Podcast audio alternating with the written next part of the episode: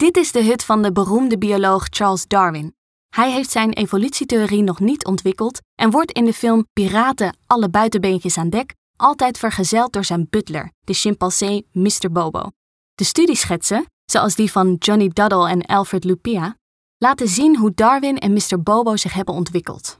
De kunstenaars verkenden aan de hand van verschillende grafische stijlen, houdingen, uitdrukkingen, silhouetten en verhoudingen.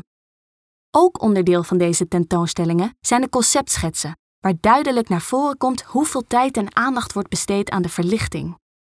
Deze voorbereidingen zijn van cruciaal belang voordat de sets kunnen worden gebouwd en de film kan worden opgenomen.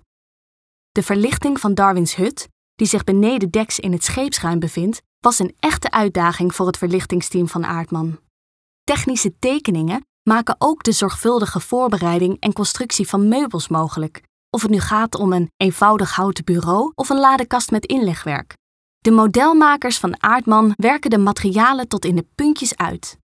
Ze besteden de grootste aandacht aan details, zoals de houten vloerplanken van Darwins hut of zijn bureau, de kleinste details van de wervels en de snavels van de skeletten van Darwin, de verfijning van de opgezette dieren en de monsters in de met formaline gevulde potten, alles doet ons denken aan een rariteitenkabinet in miniatuur. De illustratoren en modelmakers van Aardman brengen met hun talent en verbeeldingskracht een vleugje van het bizarre en komische in de kleinste dingen.